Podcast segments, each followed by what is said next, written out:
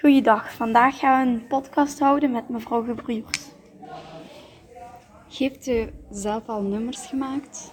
Ja, al heel veel nummers. Meestal in opdracht van een uitgeverij of in opdracht van de school.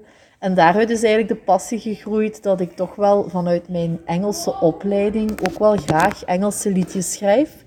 En die heb ik dan ook al geschreven. Ik heb zelfs, uh, je kan mij vinden op verschillende media, uh, ja, dingen zoals uh, op Apple Music en dergelijke.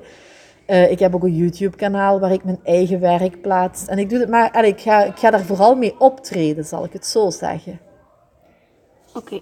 Heeft u veel connecties in de muziekwereld? In de muziekwereld? Eigenlijk wel. Um, dankzij mijn echtgenoot. Wij hebben een opnamestudio thuis. Hij werkt ook voor tv.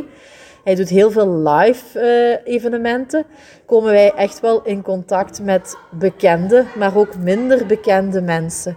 Uh, de meest bekende mensen die wij ooit uh, live en in het echt al mee gesproken hebben. Ik denk dat voor de jongeren dat vooral ja, Justin Bieber is, waar ik een gesprek mee heb gehad dankzij mijn zoon die mee was op het evenement.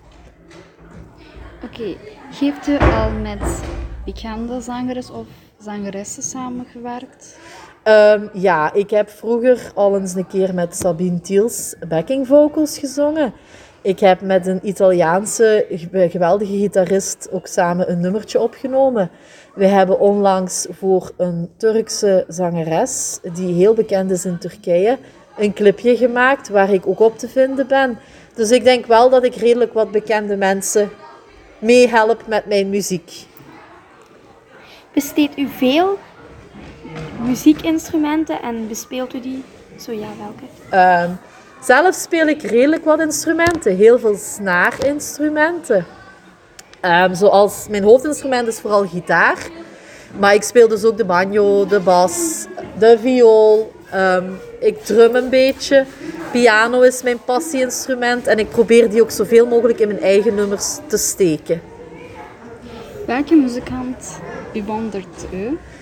Ik bewonder vooral um, Alison Krauss, omdat die muziek maakt voor anderen. Is heel bekend in Amerika, maar in Europa jammer genoeg minder bekend.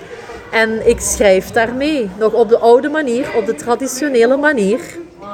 Bespeelt u ook muziek met familieleden of maakt u? Ja, ik speel, ben eigenlijk grootgebracht in een familie waar iedereen een instrument speelde. Wij spelen ook nog altijd, wij treden ook heel veel op.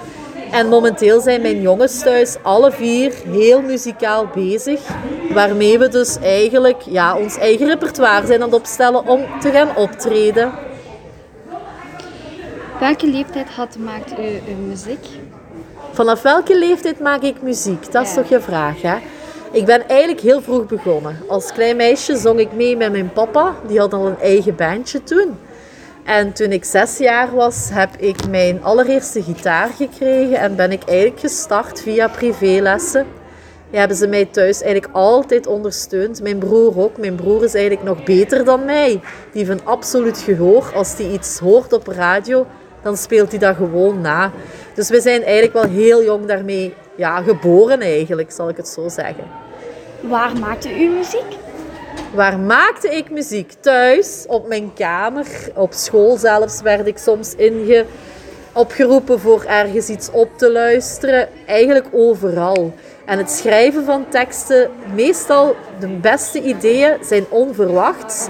Als ik ergens met mijn gezin op bezoek ben, dan komen soms heel leuke ideeën en die gebruik ik dan ook om mijn liedjes mee te maken. Oké, mevrouw, dit waren de vragen. Dank u wel.